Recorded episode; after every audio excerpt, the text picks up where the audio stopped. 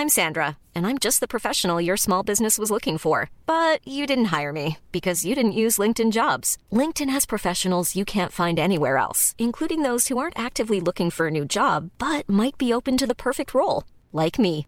In a given month, over 70% of LinkedIn users don't visit other leading job sites. So if you're not looking on LinkedIn, you'll miss out on great candidates like Sandra. Start hiring professionals like a professional. Post your free job on linkedin.com/people today. A lot can happen in three years, like a chatbot may be your new best friend. But what won't change? Needing health insurance. United Healthcare Tri Term Medical Plans, underwritten by Golden Rule Insurance Company, offer flexible, budget friendly coverage that lasts nearly three years in some states. Learn more at uh1.com. Everyone knows therapy is great for solving problems, but getting therapy has its own problems too, like finding the right therapist, fitting into their schedule, and of course, the cost. Well, BetterHelp can solve those problems. It's totally online and built around your schedule. It's surprisingly affordable too. Connect with a credentialed therapist by phone, video, or online chat, all from the comfort of your home. Visit betterhelp.com to learn more and save 10% on your first month. That's BetterHelp, H E L P. Ryan Reynolds here from Mint Mobile. With the price of just about everything going up during inflation, we thought we'd bring our prices down. So to help us, we brought in a reverse auctioneer, which is apparently a thing. Mint Mobile unlimited premium wireless. Ready to get 30, 30, bit to get 30, bit to get 20, 20, 20, bit to get 20, 20, bit to get 15, 15, 15, 15 just 15 bucks a month. So, Give it a try at mintmobile.com slash switch. $45 upfront for three months plus taxes and fees. Promo rate for new customers for limited time. Unlimited more than 40 gigabytes per month. Slows. Full terms at mintmobile.com. I don't need a lot of brains in this business. I mean, I've always said if you got an IQ of 160, give away 30 points to somebody else because you don't need it in investments. What you do need is emotional stability. Wow. Very first tech IPO, and it's a big one. Stock market hit an all-time record high today. A crash is coming. Now, whether it's six months from now, 12 months, 36 months, no one knows. There's a bear market about every five years. We've gone eight years without one. People have to realize this is the biggest IPO ever. Hej och välkommen till ett nytt avsnitt av Market Makers. Portföljen är upp 5% i year to date, bara i år alltså. Hur går det för dig Fabian? Ja, jag är väl uppe 7% year to date. De här teknikaktierna som man ska akta sig för. Det är väldigt svårt att akta sig för dem när det enda de kan gå är upp. Verkligen. Jag kikar också vår momentumstrategi som vi postar om varje månad där på Twitter, alltså den här fondstrategin där vi köper ja, men de bäst presterande fonderna egentligen av ett, ett litet sektorurval. Eh, den ligger upp eh, 3,7 procent och det är ju rätt sjukt i tanke. Alltså börsen ligger typ flät, nu kanske nu nu har de gått upp lite grann då sen dess, sen jag gjorde den här sammanställningen. Det är 4 februari idag och det släpper jag på torsdagen 6.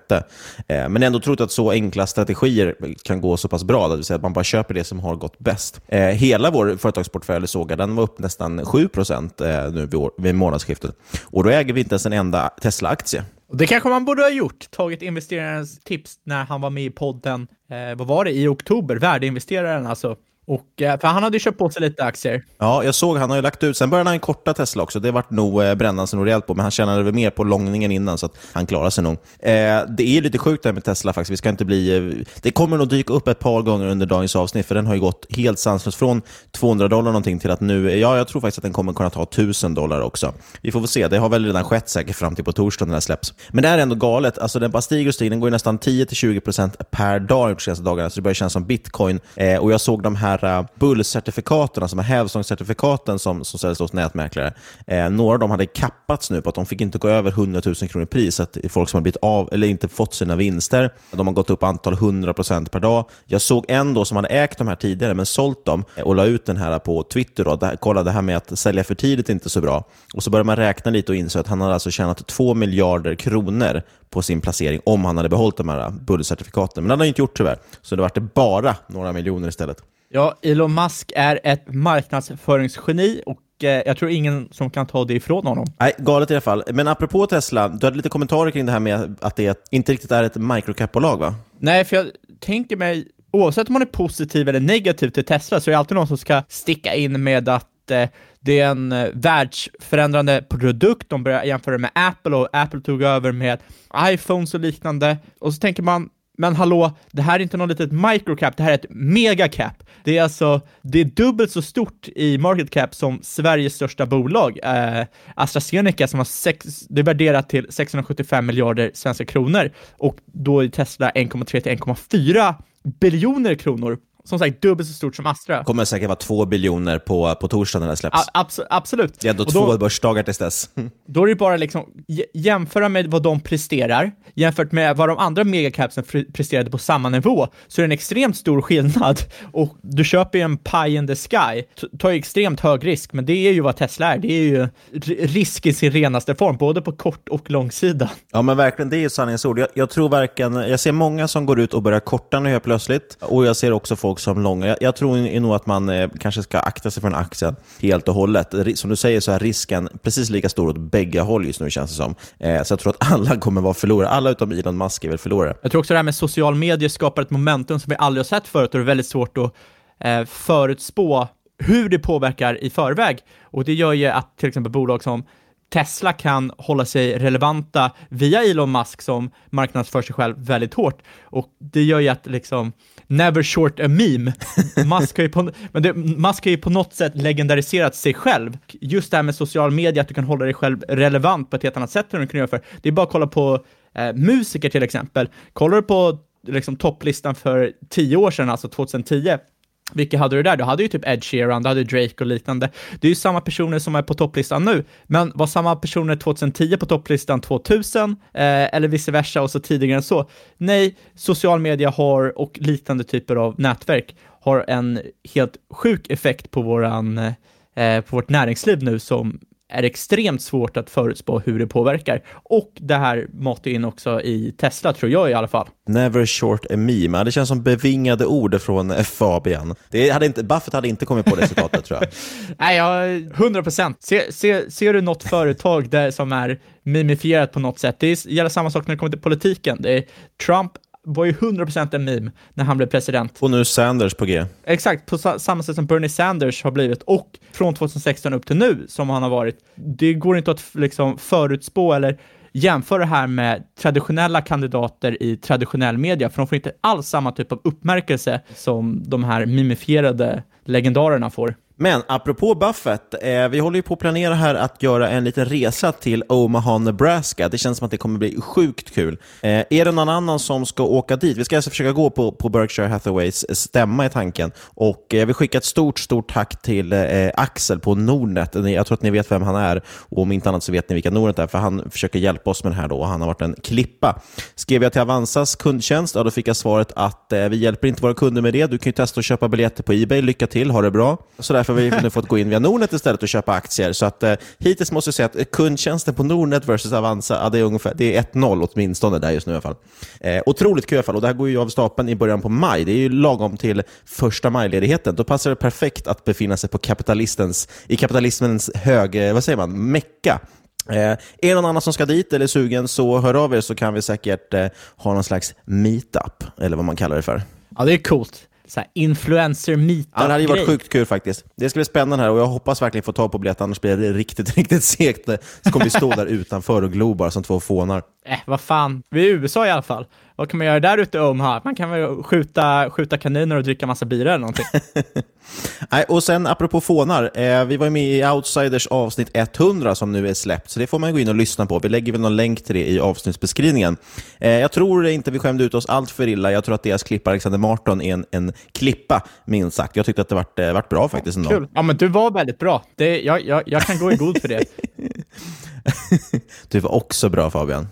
Men om man inte tycker det var bra, då kan man ju också för övrigt eh, lyssna, eller läs, läsa till och med, någon intervju vart det här också i Sofokles, eh, tror jag man uttalar det, hans eh, blogg.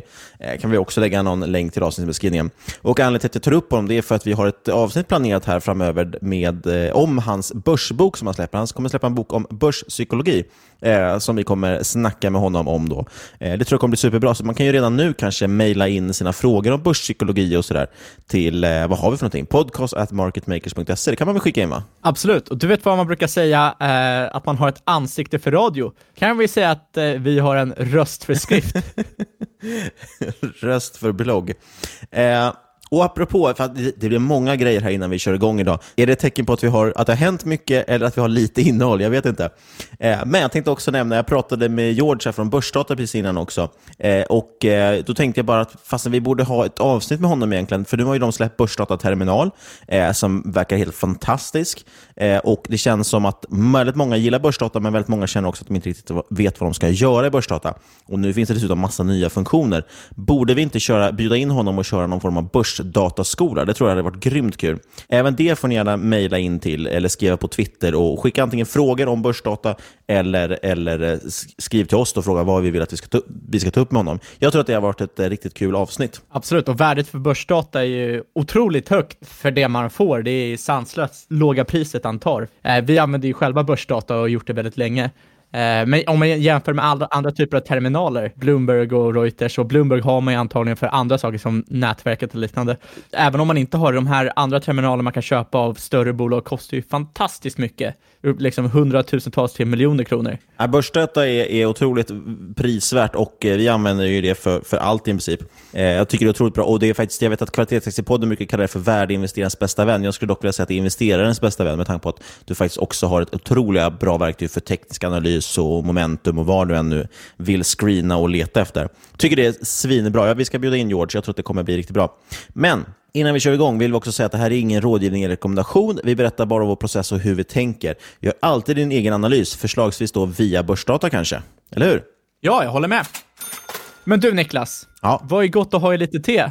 Vad som är gott att ha i lite te? A little honey. Och det är ju även jävligt trevligt att ha till alla hjärtans dag. Och det tycker jag att glider in rätt bra i vårt sponsorsegment. Fattar du inte? Ja, Det var inte jätte, jättebra, eller vadå? Så kan, jag kan ju berätta från lite bakgrund att Fabian har ju nu håsat upp det att han kommer dra ett riktigt bra skämt för när vi ska spela in det här sponsinslaget. Jag känner hittills att det inte levererar, eller så är jag som inte fattar, det kan ju vara som är dum också. Eh, ja, Fabian har brutit ihop, så jag kan ju berätta att vi har den stora glädjen att återigen ha med oss Best Secret som sponsor. Det här är svinkul. Jag har själv varit kund hos Best Secret sedan länge eh, och flera av er känner säkert redan till dem. Men för de som inte gör det, så lyssna noga nu. Best Secret är faktiskt en, ja, på riktigt en otrolig sida där man alltid får 20-80% rabatt på över 3000 varumärken. Så det här är också en form av värdeinvesterarens bästa vän kan man säga. Och för det handlar faktiskt om kvalitetsgrejer dessutom. Det är Eton-skjortor, eh, det är Gant, det är Oscar Jacobsen, det är otroligt bra grejer som man kan få till. Alltså det är nästan, nästan pinsamt låga priser.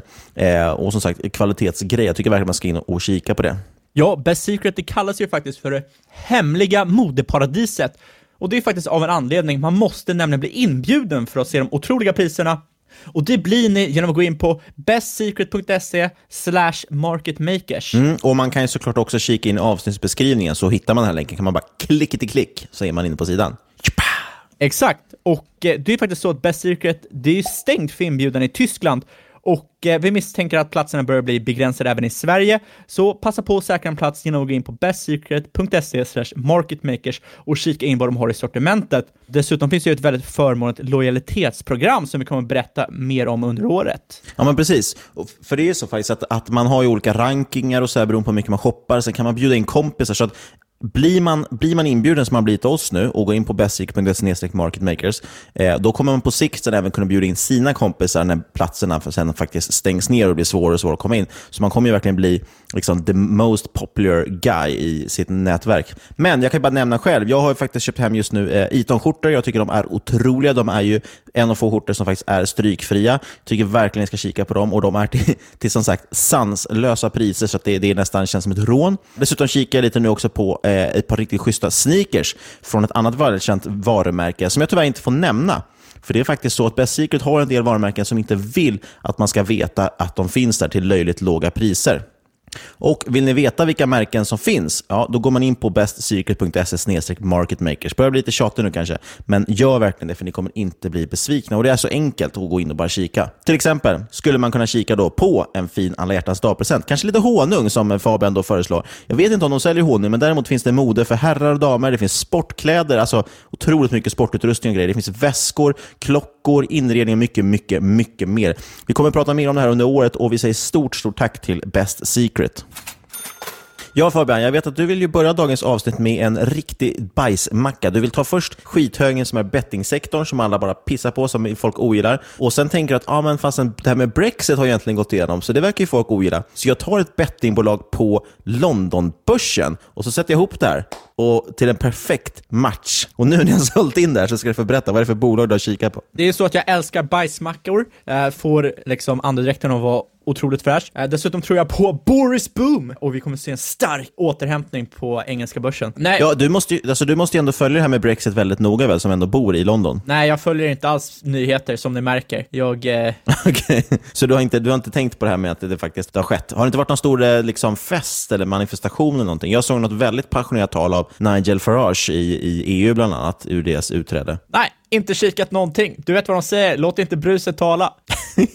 Okej. Okay. Ah, ja, vad har du tittat på för bettingbolag då? Okej, okay, jag tänker så här. För att göra så många människor så irriterade som möjligt så ska jag verkligen ta ett, eh, en bransch som jag har noll kunskap om och hoppa in i den och säga så mycket fel som möjligt. Nej, absolut inte. Men troligtvis är det en del lyssnare som kan gamblingsektorn bättre än vad jag själv kan. Och det här bolaget jag tänkte ta upp är eh, troligtvis, men inte säkert, så, så har det ju troligtvis inte tagits upp lika mycket som de svenska varianterna. Och jag fick upp ögonen för bolaget under 2019 och det har ju varit lite av en slack, eh, snackis bland small cap-investerare. Som sagt, small cap, låg likviditet på engelska börsen betyder att du kommer antagligen behöva använda dig av DeGiro, men vi ska komma in på en alternativ lösning senare i podden. Eh, halvårsrapporten 2019 kom ut 13 september 2019, så den är lite utdaterad. Eh, som tur var kom Q4 för inte så länge sedan.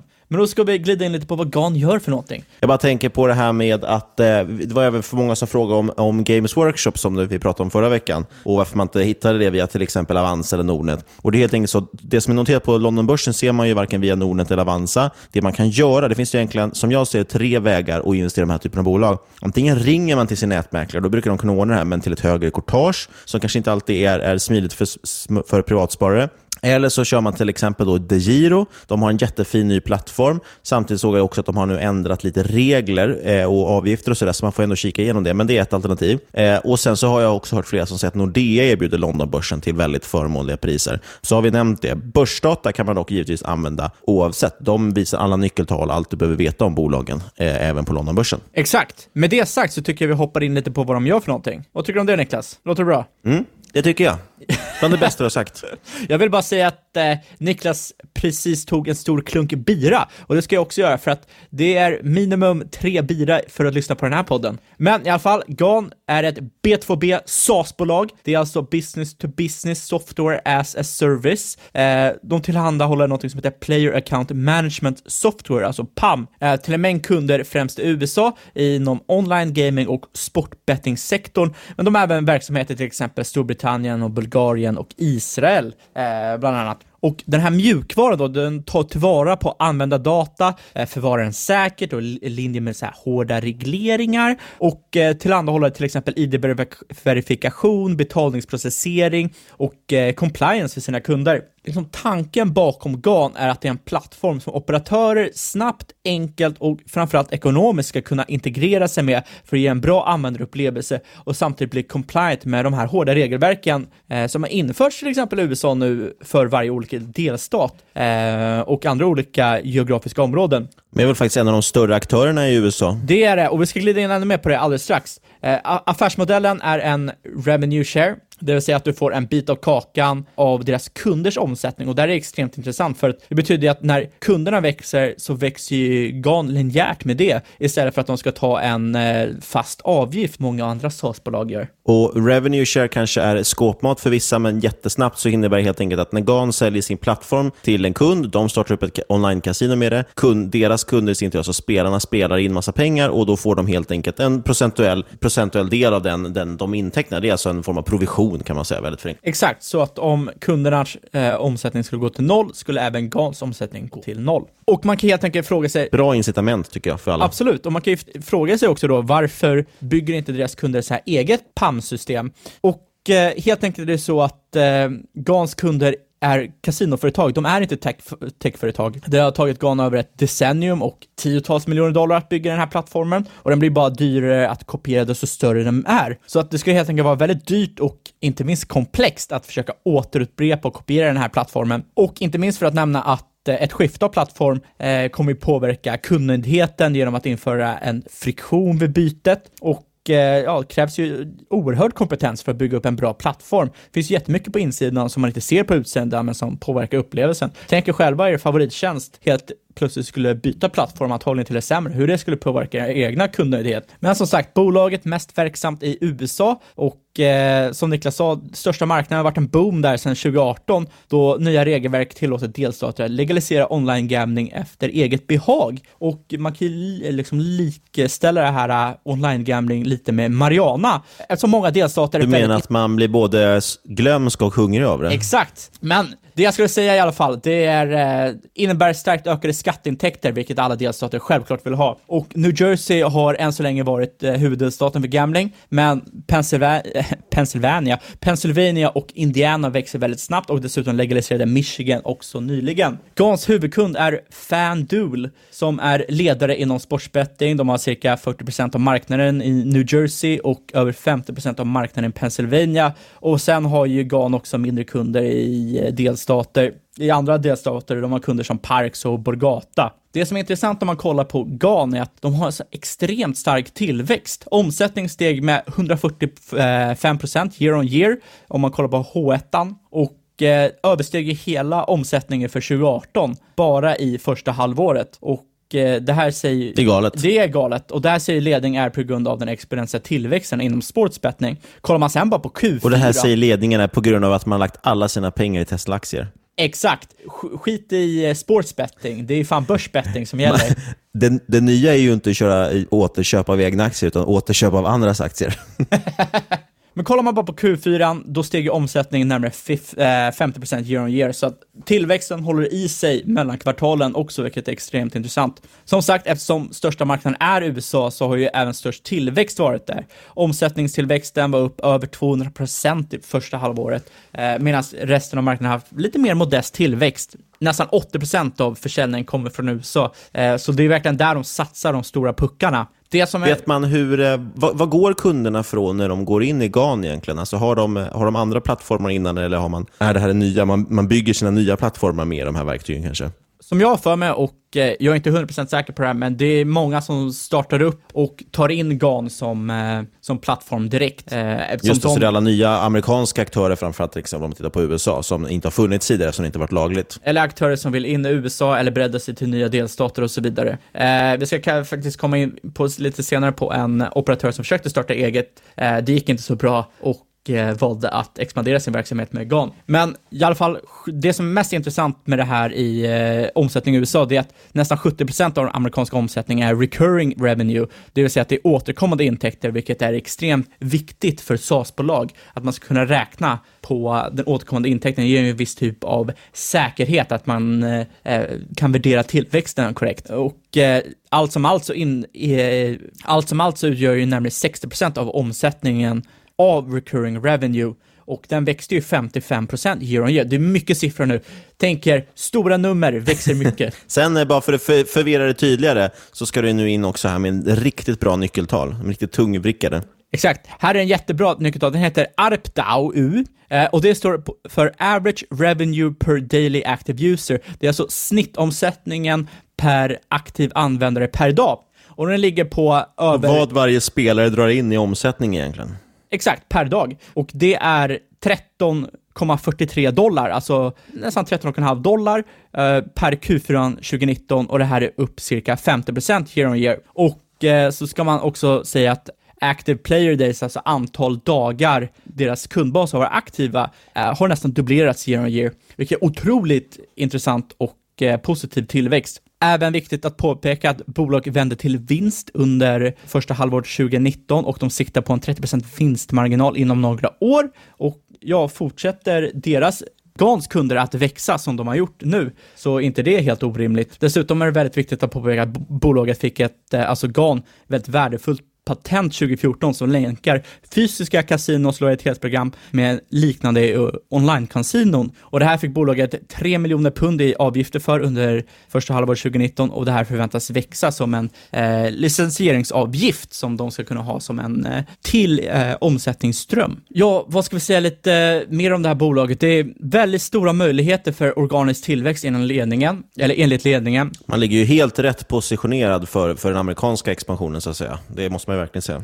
Exakt, och det, som sagt den recurring revenue, den återkommande försäljningen, det har stärkts otroligt bra i USA. Och det kommer troligt fortsätta stärkas tack vare goda möjligheter att för den fortsatta expansionen när fler delstater, som vi sett med till exempel Mariana, öppnar upp för att de ser att, åh jäklar, de här delstaterna som var först, de får ju jäklar till av skattebetalarna. Så man väntar faktiskt på rätt många intressanta siffror nu. Det ska bli väldigt intressant att se till exempel siffror från Super Bowl 2020. Den spelades ju nu 2 februari. Stora NFL, här är alltså amerikansk fotboll, har tidigare tenderat att slå nya rekord i antal spelare. Redan nu är det ju väldigt bullish för att man har ju sett högre än förväntade efterfrågan för gambling i både New Jersey och Pennsylvania för NFL-säsonger och så har man ju sett snabbare än förväntad upprampning av verksamhet, sportsbet, eh, i Pennsylvania. Så att inte bara är det stark tillväxt redan nu, utan troligtvis kommer den här tillväxten fortsätta framöver. Och sen pratar vi lite om det här med att man måste handla den här på engelska börsen. Det kanske inte är så, för att eh, Gans ledning är väldigt benägna att satsa på en amerikansk listning,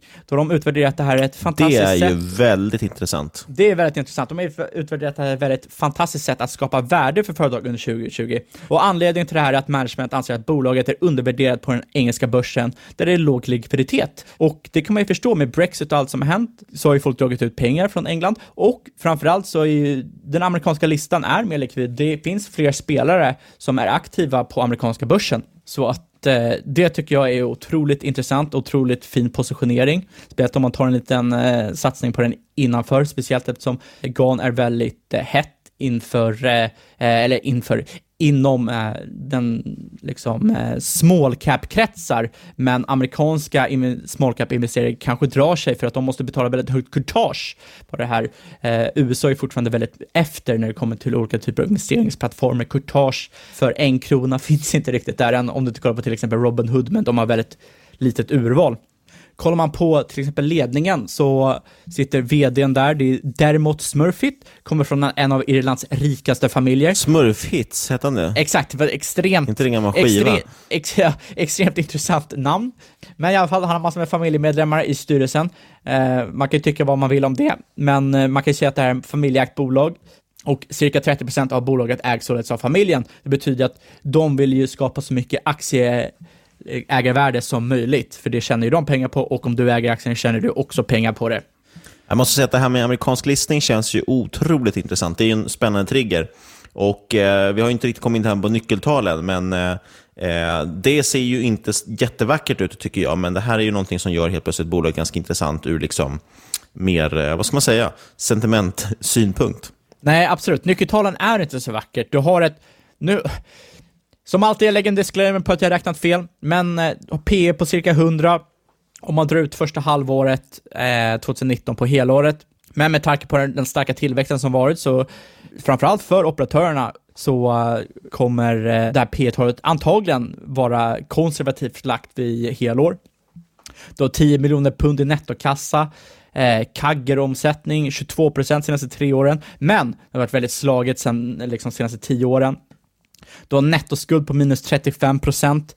Eh, market cap är Vilket betyder att man har mer tillgångar än kassa. Eller mer tillgångar än skulder, förlåt. Exakt, men det var väl du som sa det. Man vill ha nettoskuld som eh, ett hiv-test, negativt. Och det tycker jag är väldigt smart. var det så jag sa? ja, du sa det i en podcast, men det är bara jag som kommer ihåg det. Och jag tycker det är ett fantastiskt sätt att se på det. Ja, jag, jag har inget minne av det här.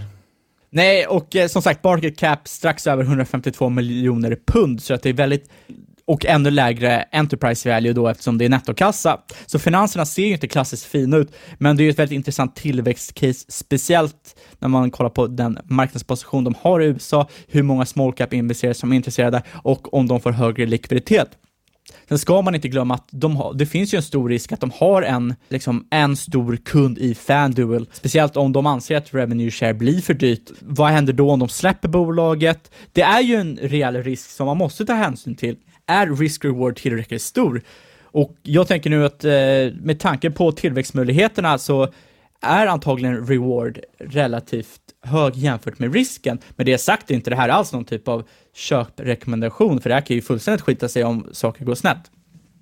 Men det jag tänker är att det troligtvis är dyrare för GANs kunder att ändra plattform istället för att helt enkelt köpa upp GAN om det skulle komma sig att de vill göra förändringar eller sluta betala revenue share. Det är ju så som eh, Niklas sa, vad händer med folk som inte använder GAN, var kommer de ifrån? FanDuels moderbolag, alltså FanDuel var ju, GAN, eller är GANs största kund, deras moderbolag Flutter, de har ju redan provat ett eget system i West Virginia. Eh, de levererade inte alls som de ville och efter det så utökade de ju verksamheten med GAN i eh, till exempel Indiana. Så att, eh, som sagt, med market cap på 150 miljoner pund, eh, lägre enterprise value, så är det ju faktiskt ett otroligt billigt uppköp för det du får med tanke på hur mycket pengar de här uh, operatörerna drar in. Det är faktiskt så att det är många bud som redan har gjorts på företaget, så att det är inte så att jag bara drar saker ur luften, saker som kan hända. Det är många bud som läggs på GAN men inget som har godtagits på grund av eh, ledningen tror helt enkelt på bättre förutsättningar att fortsätta växa just nu som eget företag. Vdn hoppas på fler smurfhits. Exakt. Framförallt tror jag att han hoppas på down the line att kunna få ännu bättre betalt om han säljer. Mm. Men eh, ja, det jag tar, emot, tar med mig från det här inslaget är ju att eh, den dagen man släpper en, en eh, bok med citat från Market Makers-podden så har vi i alla fall två givna klassiker. Det ena är ju att eh, never short a meme och det andra är då tydligen att eh, nettoskulden ska vara som ett hiv-test negativt. ja, det är klokt. Det är nästan nivå med Peter Lynch och Buffett vill man ju påstå. Absolut, men det är det vi ska göra. När vi går i pension, då ska det finnas det finns ju de här 101 bästa investerarna. Då ska det vara 101 bästa citat från market makers. Det är min dröm. Ja, vi ska hoppa vidare till lite techjättar och eh, se hur de utvecklas. För nu är det ju så att det rullar in rapporter en efter en. Och eh, ja, Det är ändå otroligt hur de här bolagen, flera stycken av dem är ju över en trillion dollar, alltså en biljon dollar i market cap. Och ändå växer de vidare med liksom 10, ibland 20 procent. Eh, och du vill prata, du har tittat på Google bland annat, eller hur? Absolut. De eh, släppte ju siffror nu för YouTube och jag är otroligt irriterad över det här. För jag har ju faktiskt velat eh, låtsas vara smart i podden och jag har ju velat göra ett avsnitt om YouTube och eh, lägga fram ett case om att det är den undervärderade stjärnan i Googles portfölj. Eh, helt enkelt caset för det är att YouTube, som alla andra sociala medieplattformar, de har ju nätverkseffekten, men de har även ett unikt bibliotek som är helt omöjligt egentligen att återskapa eftersom det kräver så mycket. Du kan inte bara copy-pasta det. Om du flyttar över, vi säger att du tar de största skaparna och flyttar över det till en ny plattform, ja men då är hela deras gamla content kvar. Eh, och det här ger ju en helt sjukt egen inlåsningseffekt. Det är att hittar du en ny skapare, då kan du kolla på deras video de har släppt den här veckan, men du kan också leta dig bak i katalogen och det här händer rätt ofta. De enda som känns som att de kan konkurrera med YouTube när det gäller video eh, segmentet, det är ju egentligen Twitch, för de har ju någonting helt unikt, att man mer livestreamar. Det kan man göra på YouTube också, men där har ju Twitch blivit liksom plattformen för livestreaming på ett helt annat sätt. Eh, men det är svårt att konkurrera med YouTube och det finns ju inte så mycket förbättringsområden. Jag vet att vissa skapare gnäller på att de får dåligt betalt och det ena och andra och sen andra Google, ändrar Google-algoritmen och så vidare. Men helt ärligt, för, för användare, de som faktiskt tittar och konsumerar, jag vet inte varför ska man välja ett annat alternativ? Det är inget fel på YouTubes plattform liksom generellt. Nej, absolut inte. Det finns inget annat alternativ och det kommer troligtvis inte finnas något annat alternativ i, i närtid. Och det är intressant nu när du tar upp det här med, med Twitch, för att till exempel när man pratar om Netflix så säger man ju ofta, ja ah, men deras konkurrent Disney och deras konkurrent HBO. Disney och HBO är inte alls de relevanta konkurrenterna med Netflix.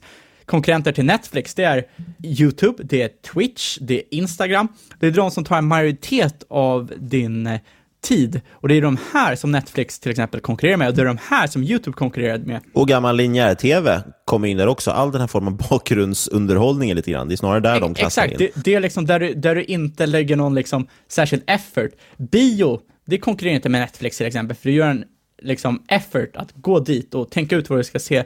Det är inte den tiden i ditt liv som de konkurrerar med, de, de inte har den tiden. Du kan ta, bion kan ta den liksom. Det som just är intressant med katalogen som YouTube har och att den liksom utgör så mycket ren tid, det är att jämföra med till exempel Instagram, om du följer någon på Instagram, kanske går in på deras motsvarighet till bibliotek, alltså deras album och liknande, scrollar, det är liksom en one and done. När du gjort det är du klar. Men YouTube, där kan du ju fortsätta gå tillbaka i gamla kataloger, fortsätta kolla, scrolla ner och framförallt så håller det inne i plattformen mycket längre. Så att för, för mig är deras inlåsningseffekt på någon typ av eh, 2D medan många andra sociala medier bara är 1D, om det är eller två axlar versus en axel, om det make a sense. Framförallt måste man ju säga att Framförallt måste man säga att YouTubes liksom rekommendationsalgoritmer är ju mycket starkare, eller deras rekommendationssätt de rekommenderar på. För det är ju samma sak med Instagram och även Twitter och liknande. Där de, man har inte riktigt alls, där måste man själv börja bygga upp vad man ska följa och så vidare. eh, Medan på YouTube får man de här rekommenderade videorna, till, vilket gör att du kan verkligen gräva ner i ett djupt, djupt eh, hål liksom, med videor och hamna på alla möjliga konstiga grejer. Men det gör också att man hålls kvar på plattformen. Eh, vi glömde dock nämna varför vi, varför vi lyfter upp YouTube och det var ju för att för första gången någonsin så vad heter det, redovisade ju Google YouTube separat, så man fick se tydligt var de drar in intäkter. Och eh, det var ju ganska, ganska stora summor.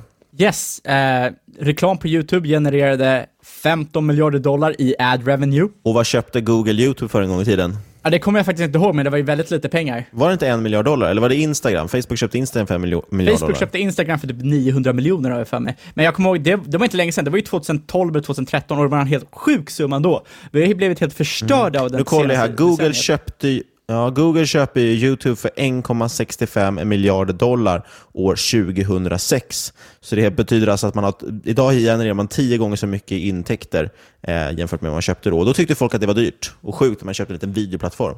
Exakt, och då kan man ju tänka sig, ja stackars grundare som inte höll kvar det. Grejen är att hade grundarna hållit kvar det hade de aldrig kunnat fortsätta driva YouTube. Det var bara beyond dem. de var tvungna att ha en större plattform bakom. Men eftersom de här 15 miljarder dollar nu för tiden, det låter inte så mycket omsättning, Eh, för att man är så skadad av de här extrema megacapsen. Men hade man tagit ut YouTube, eh, slagit ut som en egen, eget bolag, hade det trolig, troligtvis varit liksom 100 miljarder dollar market cap-bolag i sig själv. Det är liksom nästan lika stort som Tesla innan den här megahåsen senaste, senaste veckan. Och eh, ja, omsättningen har ju växt otroligt kraftigt, eh, nästan 40% jämfört med 2018 och nästan 90% jämfört med 2017 eh, drar det ut det här på minuten, drar in nästan 30 000 dollar per minut i ad revenue förra året, vilket är helt insane. Passiva inkomster brukar det kallas för. Ja, utan tvekan. Och det som är intressant med det som är intressant med YouTube, är att de har tio gånger mer användare än Netflix har subs. Det här är inte en liksom one-to-one comparison, det är inte en perfekt jämförelse, men ändå, tänk det. Men de har endast 75% av omsättningen som Netflix har det gör, liksom, visar ju på att YouTube troligtvis har extremt mycket att hämta, eh, ett, på ett sätt eller annat. Med det sagt så vet vi noll fortfarande om cost of revenue, alltså till exempel hur mycket bandbredd kostar, vilket man tror kan vara jävligt mycket och då klipper in i vinsten rätt otroligt. Sen också hur mycket de betalar ut till content creators och content creators, det skulle vi kunna prata en eh, och ekosystemet YouTube har skulle man kunna prata ett hel, eh, helt avsnitt om, för det är så fantastiskt intressant. De har ju skapat en hel eh, nisch av jobb där, som jag tror att många, antingen tror de att de enda som tjänar pengar på YouTube är till exempel Pewdiepie, eller så tror de att alla som tjänar pengar är till exempel vloggare, och det är ju inte alls sant. Det finns ju så eh, otroligt många, uppemot liksom miljonertal, eh, miljonertal, miljoner med människor som eh, troligtvis tjänar sitt uppehälle via YouTube, via att skapa olika videos, om det, oavsett om det är vlogs eller olika typer av dokumentärserier eller rita saker eller tutorials. Extremt intressant ekosystem. Men som sagt, vi vet ju inte något om de här om kostnaderna. Och det här kanske ska ses lite som ett varningstecken, eh, att Google bara, eller att Alphabet bara väljer att redovisa omsättningen. Eh, teoretiskt sett så skulle jag kunna få en 15 miljarder dollar i omsättning genom att sälja en dollar för 50 cent och därmed gå med dubbelt så mycket i förlust. Jag tilläggas 150 miljarder kronor om man nu ska göra den enkla eh, konverteringen. Eh, det är ungefär Skanskas omsättning.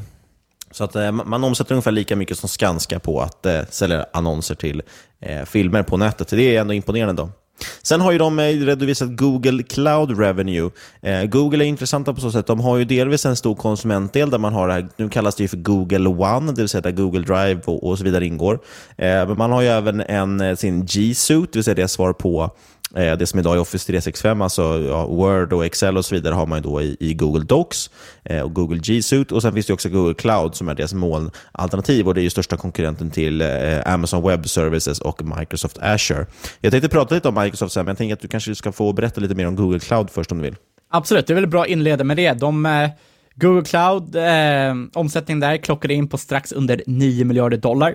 Och det man kan anmärka om det är fortfarande lång väg för att komma ikapp AVS. Jag vet att många eh, sitter hemma och tycker att eh, Google Cloud, det är de som är liksom ny AVS, men sanningen är att AVS är långt före fortfarande och det ser man ju också på tillväxttakten. Precis, enligt eh, Forrester då, så står ju då eh, AVS, alltså Amazons eh, molntjänst, man, den har ni säkert hört talas om mycket för att Amazon det är ju deras stora egentligen vinstkälla, de har ju så otroliga marginaler på det.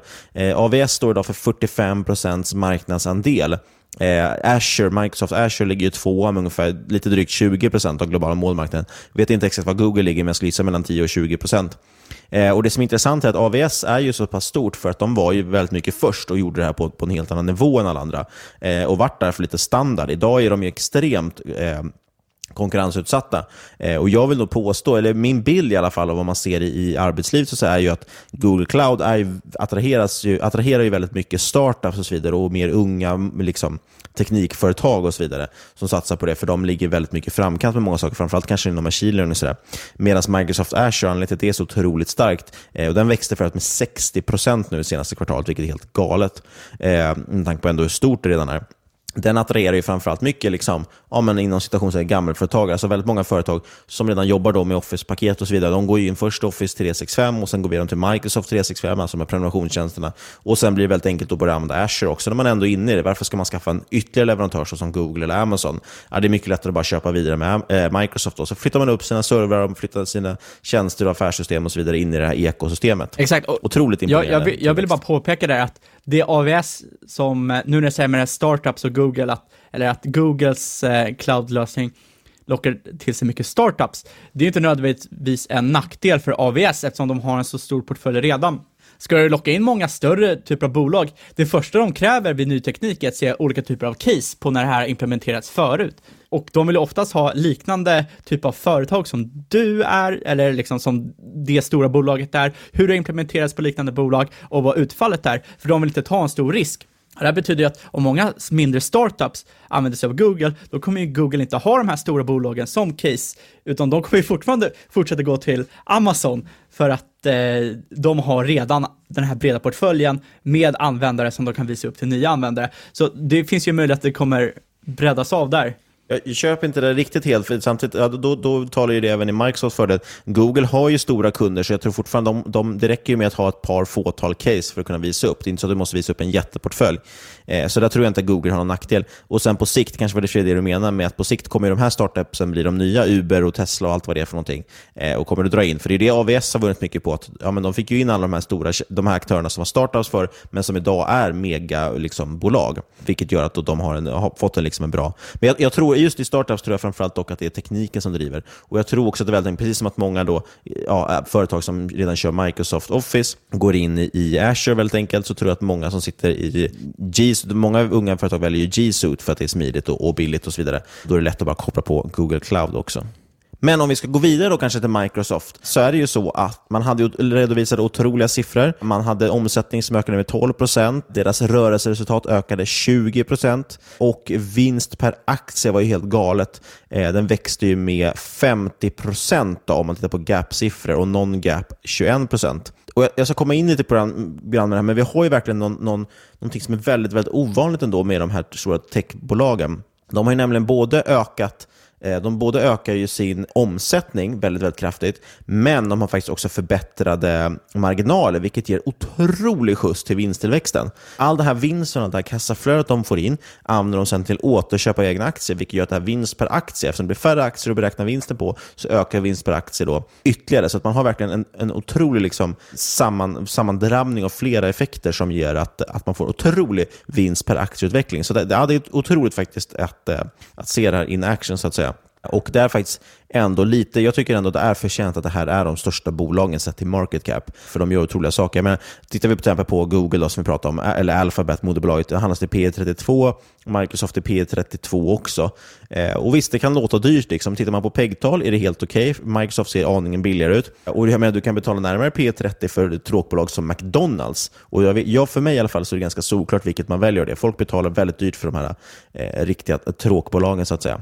Sen tror jag att många av de här bolagen, speciellt de här gamla konsumerbolagen, som till exempel McDonalds, de om något har ju kopplats helt bort från sina värderingar i form av tillväxt och liknande, som inte alls de här typerna av techbolagen, som techbolagen får skuld för, för att folk kollar, väljer bara att kolla på till exempel Amazon eller Netflix, men eh, åsidosätter helt att kolla på Microsoft, Alphabet och Facebook och liknande som har relativt rimlig värdering minst sagt jämfört med tillväxten. Men jag tycker faktiskt det. För jag menar, skulle de värderas så som till exempel Microsoft, eller som, som McDonalds, Costco eller jag vet inte, Walmart eller något värderas, då skulle det snarare vara P 60 på det här. Sen tycker jag inte det är rimligt, men jag bara menar att det, det är verkligen, som du säger, de andra, vissa bolag har verkligen frikopplats från fundamenta, men några av de här techbolagen är faktiskt fortfarande helt okej. Okay. Tittar man på Microsoft, som sagt, det var otroliga tillväxtsiffror på egentligen alla, alla delar. Productivity in business processes växte 17%, Office 365 växte 27%. Även LinkedIn, jag fattar inte hur det går till, men de växer kraftigt 24% plus. Eh, ja, förklara det om du vill. Intelligent Cloud växte 27%, Azure hela 62%. LinkedIn har väl mycket premiumtjänster för till exempel rekrytering och LinkedIn är den största rekryteringshemsidan i världen, så det kan säkert vara, ha med det att göra, att liksom bolag betalar för att få premiumprodukten. Ja, men det är rimligt faktiskt. Just för rekrytering, helt sant, för rekrytering så är det faktiskt ett väldigt relevant eh, verktyg. Speciellt idag när vi ändå är superhögkonjunktur och det är svårt att få tag i folk. Det enda egentligen segment inom Microsoft som inte växer tvåsiffrigt, det är väl hårdvarudelarna. De växer faktiskt helt okej okay ändå. Jag såg att någon av deras delar, OEM till exempel, växer 9%. Eh, men jag måste ändå säga att jag tycker de har lyckats även ganska bra här med deras Surface-datorer och sådär. Så, så jag tycker de är vassa och eh, det jag vill komma till är helt enkelt att man har väldigt fina synergier just nu som liksom över hela brädet. Man har ju ingångarna i Windows. Liksom folk jobbar med Windows, väldigt många i alla fall, och man jobbar då med eh, med, med Microsofts produkterna såsom Word och så vidare. Allt där blir tjänstifierat. Till och med Windows idag har ju blivit tjänstifierat. De säger att de inte ska släppa några mer eh, uppdateringar efter Windows 10, utan man kör Windows 10 och sen så bara fortsätter det komma in uppdateringar till den. Liksom, så att säga. Eh, det börjar även komma sådana saker att man kan köra remote desktop och så väldigt smidigt, eh, precis som att alltså, man streamar sitt skrivbord så att säga. Eh, och fler flyttar upp gamla servrar och man går över Microsoft, Microsoft eh, Office så att säga, som, som, pre, eh, som prenumerationstjänst. Och man flyttar upp affärssystem, servrar som vi pratar om i antingen Teams, SharePoint eller Azure. Eh, och Det som är kul här egentligen, eh, det är ju att det här är en genomtänkt strategi. Eh, VD Nadella han, han var ju ganska tydlig med att han gick ut, det här är strategin. Man jämförde så mycket med Apples ekosystem. Eh, det finns en ganska bra infografik på det här, att man vis, tittar på Apples ekosystem som är otroligt starkt. Varenda produkt feedar in i varandra så att säga. Eh, så att, jag menar, går du och köper en iPhone och är nöjd med den, då måste du börja använda App Store, du måste börja, du använder antagligen iTunes, Eh, sen blir det ganska lätt att när du ska köpa eh, nästa grej. Då köper du lätt gärna en iPad för att synka dem med varandra. Eh, sen börjar du backa upp dem med iCloud. Du köper en Mac och så vidare. Så bara bygg, bygger du vidare så att du, du köper in i ekosystemet. Eh, Google i den här bilden hade inte riktigt lika starkt ekosystem, men låg bättre än Microsoft för det skedet. Eh, och Microsoft har nu väldigt liksom satsat stenhårt på att göra sitt ekosystem starkt, att allting ska sitta ihop. Eh, och Det här ser man ju liksom väldigt tydligt, till exempel nu när man rullar ut det här Microsoft Teams, som på något sätt kan sägas vara en Slack och numera också Zoom-konkurrent. Eh, båda två är börsnoterade om man vill kika upp dem. Jag tror vi har pratat om bägge tidigare på den. Eh, de gick ju fort om Slack i antal användare. Nu i november sa man sig ha 20 miljoner eh, aktiva användare per dag jämfört med Slack då, som har 12 miljoner ungefär. Eh, så det är otroligt, eh, otroligt imponerande hur man har fått ihop det här ekosystemet. Jag tror att det bara kommer bli starkare. Nu har man eh, LinkedIn sen, sen länge och man har även köpt GitHub nyligen också. Då. För alltid har man ju talat om hur liksom, svårt det har varit att byta från till exempel Excel till något annat gratis eller någon annan gratis variant och desto mer integrerat hela systemet blir, desto mer integrerat blir det med företaget som användare. Och jag menar, tänk dig att eh, gamle Betty, 58 år, har använt eh, Microsoft Suite liksom halva sin karriär. Hur fan ska du få henne att byta till något annat? Och eh, den kostnaden, det, det finns inte. Eh, Microsoft har en extremt stark eh, eh konkurrensfördel där.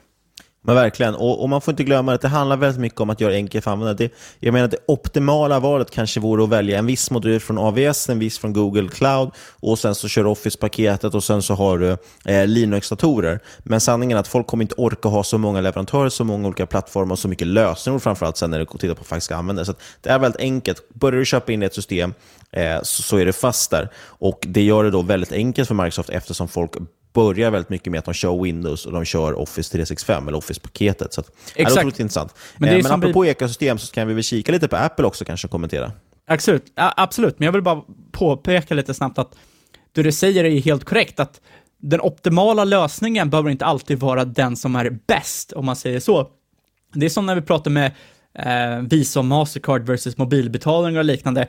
Det skiljer sig väldigt lite mellan vad som är bäst vart med dem, men friktionen att byta över till andra är så pass hög att det inte är värt det, någon skillnad för människor. Det, däremot friktionen från att eh, byta från cash till kort är också hög, men avkastningen på att byta för den individuella användaren är eh, otroligt hög, mycket högre än friktionen från att byta och därför gör ju folk väldigt lätt det valet. Samma sak är det med de här optimala stacksen som Niklas pratar om. Det är extremt hög friktion att använda olika typer av program till olika saker, även om det skulle kanske vara bättre, de skulle integrera bättre, det skulle vara billigare och så vidare. Människor orkar inte eh, göra det. Så optimalt behöver inte alltid betyda bäst och det här är någonting som är ointuitivt för människan, för man tänker alltid att eh, det bästa kommer alltid att vara det som, eller den optimala lösningen kommer alltid vara det som vinner. Men det optimala behöver inte alltid egentligen betyda att det är bäst. Men vad sa du innan? Eh, Apple? ja, precis. Apropå starka ekosystem i alla fall, tänkte vi kan kort kommentera Apple också kanske. Ja, eh, bara lite snabbt där. Vi såg nu, Apple ska klippa priser på sin iPhone-linje. Det man helt enkelt kan kommentera om det är att det borde resultera i en ökad försäljning eh, som borde gynna till exempel services. Nu när många hävdar att Apple är ett servicebolag, jag kanske inte riktigt håller med, jag tycker fortfarande framförallt är ett produktbolag.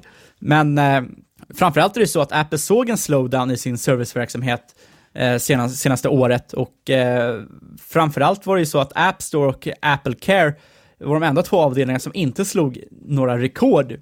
Och det här tyder ju på att Apple kanske inte har eh, fått särskilt många nya iPhone-kunder. Det är ju så att App Store ser störst tillväxt eh, för varje enskild kund när den kunden precis skaffat en iPhone. För att de behöver ladda ner alla nya appar. Och eh, helt enkelt vid få nya användare så kommer det här påverka App Stores tillväxt och därmed services eftersom App Store är den största biten av just services. Så helt enkelt, du, du kan ju, eftersom när du är en ny kund så använder du många appar, om man ser att App Store inte används lika mycket, ja då kan man ju dra det här som att inte så många nya iPhones har sålt. Eh, och det här blir någon typ av proxy då eftersom iPhone, eh, Apple nu inte redovisar hur många iPhones som faktiskt säljs. Det man kan dra från det här är helt enkelt att Apples största konkurrent inte är Android som många gärna vill säga att de är, utan Apples största konkurrent är sig själva en Apple-användare kommer vara mer benägen att fortsätta använda Apple än att byta över till Android. Och det är igen det här som vi pratar om med Microsoft, det är friktion. Deras fördel att byta till Android är otroligt mycket lägre nu för tiden än att eh, bara vara kvar i sköna världen av Apple framförallt för majoriteten av användare. Och det omvända, jag bytte ju precis telefon här nu och eh, jag höll mig kvar på Android. In, I sista minuten bytte jag, skulle, tanken var att jag skulle köra på en iPhone nu istället, men i sista minuten kände jag att nej, jag pallar inte byta system. Det finns ingen anledning att byta. Exakt, och det är lite så också att varför folk inte uppgraderar sin iPhone-mobil. De eh, tycker att de har en tillräckligt bra mobil just nu och kan inte tänka sig att uppdatera, att kostnaden eh, som de måste betala övervinner inte liksom fördelarna de får. Och det här är väl det som är största fördelen nu med att Apple sänker sina pris på iPhone, är att eh, nuvarande kunder ska kunna uppdatera, vilket kommer påverka tillväxten i services. Så förhoppningsvis ser vi en boost i just services nu tack vare det. Och och självklart, typ till exempel det här i Kina och liknande, kommer antagligen påverka Apples omsättning, men det kommer nog inte vara på grund av F, eh, minskad efterfrågan. Vi kommer troligtvis inte se en ökad minskad efterfrågan världen över. Eh, utan snarare kommer vi eventuellt se att eh, Apple inte kommer, kommer möta tillgång. Och det här är ju otroligt bullish för Apple, vilket är helt insane. Nästan en och en halv eh, biljon dollar i market cap. Det är ju så att Apple ligger redan efter i utbud för Apple Watch 3, eh, ligger efter i eh, AirPods Pro. De är inte ens säkra på när de ska kunna leverera liksom de, de som redan är beställda. Och mycket av det här är ju tack vare Kina. Och eventuellt kan vi också se en brist på iPhones. Det visar ju på den otroliga konkurrenskraften Apple har, den otroliga fortfarande. Folk sa ju när Steve Jobs stod att Apple var kört, men det visade sig inte alls vara sant. Men det är dags att börja runda av det här och då tänkte jag dra, eh, jag kör ju de här eh, olika tradingreglerna eller citaten man vill kalla det från, från både Bob Ferrer och Gartman. Och eh, nu har jag faktiskt tagit fram några stycken här som jag tycker lite kanske hänger upp med den här utvecklingen Tesla senaste dagarna. Eh, och då har ju Gartman sagt så här, eller han, det är inte han som har sagt, han har ju snott det från eh, John Maynard Keynes som en gång i tiden sa markets, eh, markets can remain illogical far longer than you or I can remain solvent. Jag får mig att det riktiga citatet är väl typ snarare att eh, it can stay irrational eh, longer than you can stay solvent. Helt enkelt, marknaden kommer kunna reagera eh, icke-rationellt så att säga längre än vad du kommer kunna hålla, eh, liksom, hålla likviditet egentligen. Ja, jag säger som jag sa tidigare i podden, never short a meme. Och det är väl nya tidens variant på det. Men precis, och en annan grej som man drar upp där som jag tycker kanske är ännu mer relevant man tittar på Tesla, det är think like a fundamentalist, trade like a technician. Helt enkelt, eh, fundamentalt så ja, nu finns det folk som hävdar att det fundamentalt håller det här med Tesla. Så någon idag som la ut att de kommer ha en biljon dollar intäkter om tio år. Men generellt så som det ser ut nu och ganska många år framåt så där du kommer få extremt dålig avkastning antagligen om du köper Tesla idag och håller den i, i 20 år framåt. Eh, men det betyder inte att du ska korta den med tanke på att du, då kan man titta på det mer tekniskt och se att det där momentumet går man inte emot. Absolut. Ta inte helt fantasifulla trades. Eh, gå inte mot marknaden. Du kommer bli körd på det. Ja, och avslutningsvis, avslutningsvis så säger Bob Farrell, there are no new eras, excesses are never permanent. Helt enkelt, det är inte this time it's different, stämmer väldigt sällan. Eh, visst, det kanske kommer bli elbilar som gäller, men det är sällan att det är en ny era och att, att någonting kommer bli, gå till himlen. Har man någonting så extremt som vi ser just nu, ja, det kommer vända så småningom. Men kanske inte imorgon och kanske inte heller på torsdag, men vi får se vad som händer till nästa vecka. Som vanligt, inget hört den här podcasten ska ses som rådgivning. Alla åsikter är våra egna eller vår gäst och eventuella sponsorer tar inget ansvar för det som sägs i podden. Tänk på att alla investeringar är förknippade med risk och sker under eget ansvar. Men vill du snacka lite med oss, shoot the shit, så kontakta oss på podcast at marketmakers.se eller på Twitter at marketmakerspod. Och där får man ju jättegärna då skicka in eh, frågor antingen om börsdata som vi kan ta upp med George om vi bjuder in honom, eh, eller frågor om börspsykologi som vi kommer få då med eh, Don Krisse, eller Sofokles, beroende på vad man läser någonstans. Kristoffer heter han väl egentligen. Eh, och eh, vi vill säga ett stort, stort tack till Best Secret. Som sagt, det här är en otrolig, eh, det är verkligen otroliga priser här. Vi ljuger inte, så testa. Gå in på bestsecret.se marketmakers. Det kostar inte en krona att registrera sig, eh, utan det är bara att gå in där och registrera sig. Det går väldigt enkelt och fort och då ser man hela det utbudet med alla otroliga varumärken, så som Eton till exempel. Eh, jätte, jättevärt att göra och det tar det ingen tid, kostar ingenting. Eh, men för transparensens skull Fabian, har du något innehav av det vi pratat idag? Jag äger ju Microsoft som många säkert vet, men jag äger varken eh, Apple, eh, Google, Tesla eller GAN. Nej, jag äger inget av det här faktiskt. Tillbaka på gamla goda tiden, där jag äntligen kunde säga så igen. och eh, vill man titta på GAN så kan jag meddela, det är lite svårt att söka fram tycker jag. Det är G-A-N och sen kan man lägga till ett PLC efter, alltså mellanslag och så PLC, så kommer man hitta lite lättare, till exempel via börsdata. Eh, men sist men absolut inte minst, stort, stort tack för att du har lyssnat. Vi hörs igen om en vecka. Ciao Bella!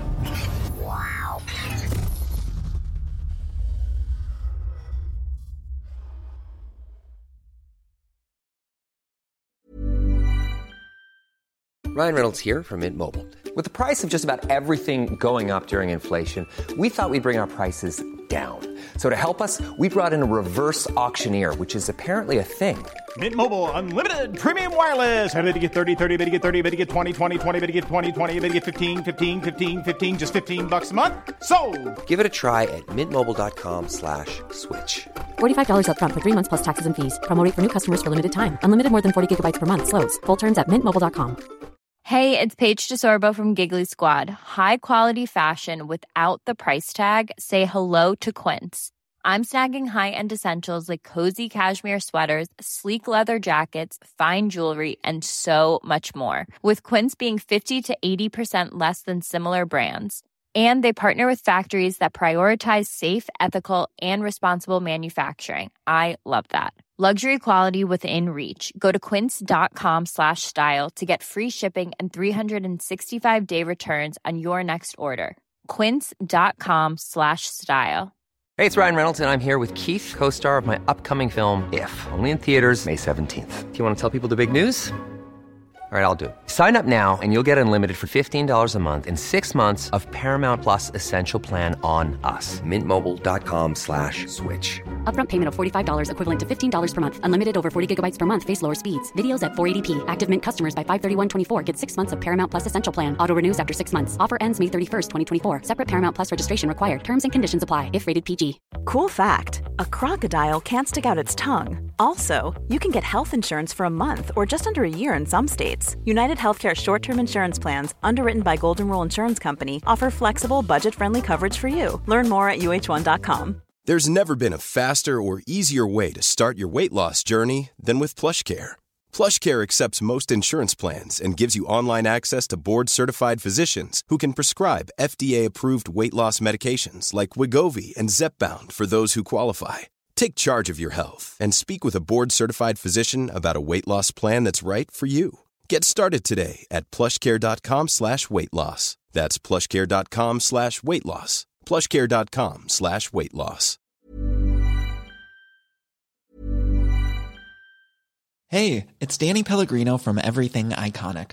Ready to upgrade your style game without blowing your budget? Check out Quince. They've got all the good stuff, shirts and polos, activewear and fine leather goods, all at 50 to 80% less than other high-end brands. And the best part? They're all about safe, ethical, and responsible manufacturing. Get that luxury vibe without the luxury price tag. Hit up quince.com slash upgrade for free shipping and 365 day returns on your next order. That's quince.com slash upgrade. Hi, I'm Daniel, founder of Pretty Litter. Cats and cat owners deserve better than any old fashioned litter. That's why I teamed up with scientists and veterinarians to create Pretty Litter. Its innovative crystal formula has superior odor control and weighs up to 80% less than clay litter. Pretty Litter even monitors health by changing colors to help detect early signs of potential illness. It's the world's smartest kitty litter. Go to prettylitter.com and use code ACAST for 20% off your first order and a free cat toy. Terms and conditions apply. See site for details. Mom deserves the best, and there's no better place to shop for Mother's Day than Whole Foods Market. They're your destination for unbeatable savings, from premium gifts to show-stopping flowers and irresistible desserts. Start by saving 33% with Prime on all body care and candles. Then get a 15-stem bunch of tulips for just $9.99 each with Prime. Round out Mom's menu with festive rosé, irresistible berry chantilly cake, and more special treats. Come celebrate Mother's Day at Whole Foods Market. Sick of being upsold at gyms? My guy, you're currently a base member. For $90 more, I can upgrade you to our Shred membership. For 130 more, you'll be a Swole member. And for just $300 more, you'll reach Sweat Platinum. At Planet Fitness, you'll get energy without the upsell. Never pushy, always free fitness training and equipment for every workout. It's fitness that fits your budget. Join Planet Fitness for just $1 down and $10 a month. Cancel anytime. Deal ends Friday, May 10th. See Home Club for details.